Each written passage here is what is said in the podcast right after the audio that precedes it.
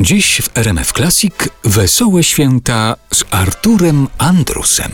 Gdybyśmy zajrzeli do kalendarza, okazałoby się, że nie tylko święta, ale i pewna rocznica.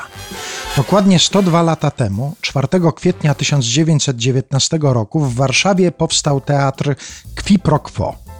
Wiele gwiazd, wśród nich Ordonówna, Pogorzelska, Zimińska, Bodo, Dymsza, Olsza. Pisali dla nich Tuwim, Hemar, reżyserował i zapowiadał Jaroszy. Przy okazji tego krótkiego wspomnienia qui pro quo chciałbym przywołać nazwisko artystki rzadziej wymienianej wśród gwiazd tamtego czasu, a wartej jak najczęstszego przywoływania Zofii Terne.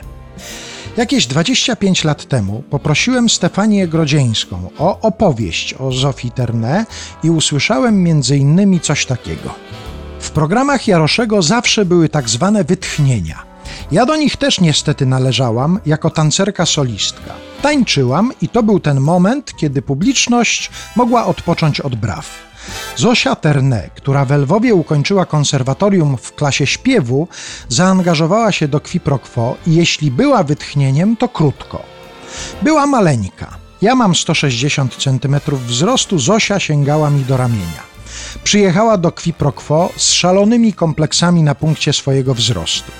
Chodziła na bardzo wysokich obcasach, ubrana w obszerne krynoliny, nosiła wielkie kapelusze, żeby wyglądać na wyższą. Jaroszy stosował zasadę, żeby z czegoś, co się wydaje wadą, na scenie robić zaletę. Powiedział: Jak jesteś mała, to pokaż, jakie to miłe, że jesteś mała. Zdjął z niej te wszystkie maskujące stroje, zafundował granatową spódniczkę i białą bluzeczkę, płaskie obcasiki, lakierki, takie jak pensjonarki wtedy nosiły, i kazał wychodzić przed kurtynę, siadać na budce suflera i śpiewać tuż przed publicznością. I proszę sobie wyobrazić, że od pierwszego takiego występu Zosia wyskoczyła na gwiazdę. Oczywiście były Ordonka, Pogorzelska, to były te największe gwiazdy, ale Zosia Terne z tej budki suflera szybko do pierwszego szeregu gwiazd doskoczyła. Tyle Stefania Grodzieńska. Piosenka, którą Państwo za chwilę usłyszą, powstała nieco później. W 1931 roku, czyli w roku zakończenia działalności Qui pro quo, w Ameryce wylansował ten przebój Bing Crosby. W Warszawie polski tekst dopisał Marian Hemar i zaśpiewała Zofia Terne. Radio służy do uruchamiania wyobraźni, więc proszę sobie wyobrazić, że Zofia Terne śpiewa tę piosenkę, siedząc na budce suflera w Qui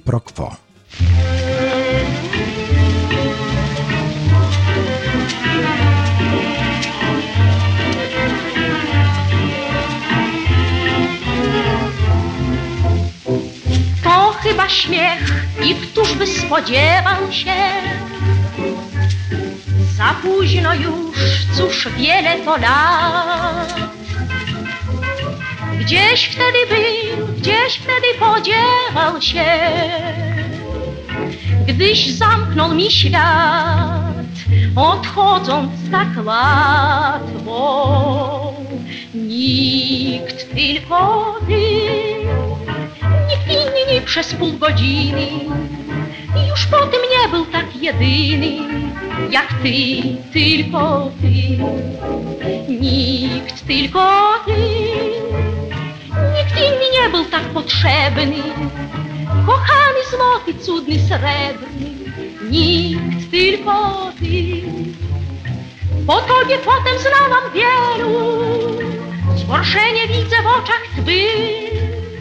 Ach, widzisz, drogi przyjacielu, wciąż szukałam ciebie w nich na próżno. Nikt, tylko ty. A gdybyś wtedy wrócić zechciał, ach, mógłbyś wrócić, aleś nie chciał, jak nikt, tylko ty. A widzisz dziś, inna już sprawa jest. Na próżno rób złe oczy sprzed lat. Już tamto grób, nad grobem już trawa jest. A w trawie jak kwiat, pół smutna piosenka. Nikt tylko ty mógł mnie wybawić, mógł mnie naprawić, nikt tylko ty, nikt tylko ty. Nikt inny nie był już tak jasny i taki swój, taki własny, nikt tylko ty. Już potem było życie zwykłe, bez większych zmartwień, większych łask. Wspomnienie coraz bardziej nikłe, chowa w sercu złoty blask. Daleki to byłeś ty, jeden tylko i nikt inny. A dziś nie jesteś temu winny, że to już nie Przy okazji 102. rocznicy inauguracji działalności teatru Qui Pro Quo zajrzyjmy do wspomnień Adolfa Dymszy, jednej z gwiazd tego teatru. Tak wspomina reżysera i konferencjera Fryderyka Jaroszego. Czarujący facet, ale nieprawdopodobny mitoman. Z jakim wdziękiem potrafił na każdy temat stworzyć wspaniałą i nieprawdopodobną historyjkę. Wystarczyło tylko poddać temacik, natychmiast opowiadanko gotowe. Sam wierzył święcie w to, co opowiadał. Pamiętam pewnego razu była mowa o szybkiej orientacji. Natychmiast Jaroszy przypomniał sobie przygodę, gdzie dzięki owej szybkiej orientacji uratował życie wielkiego człowieka. Posłuchajcie. Przechodziłem akurat przez ulicę Wiednia, nagle widzę panikę. Ludzie uciekają, kobiety krzyczą. Obejrzałem się. Przed moimi oczami rozgrywała się następująca scena. Wspaniała kareta, zaprzężona w parę białych koni, pędzi w pełnym galopie, a woźnica nie panuje nad rozhukanymi rumakami. Ułamek sekundy, szybka orientacja i w mgnieniu oka znalazłem się przy koniach. Chwyciłem je za uzdy przy samych pyskach i zatrzymałem na miejscu.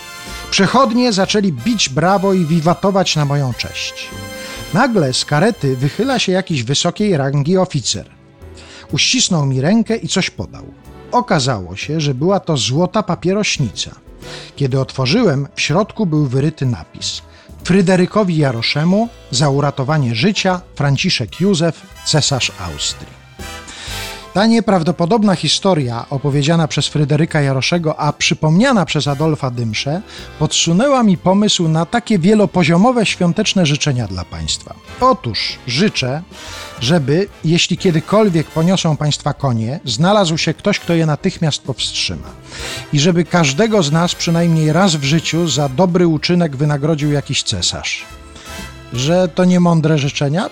Ale jestem pewien, że jeszcze nikt nigdy w taki sposób nie życzył Państwu wesołych świąt. No to teraz trochę muzyki, a później opowiem o tym, co wydarzyło się 100 lat po otwarciu teatru Qui Pro Quo, czyli dwa lata temu.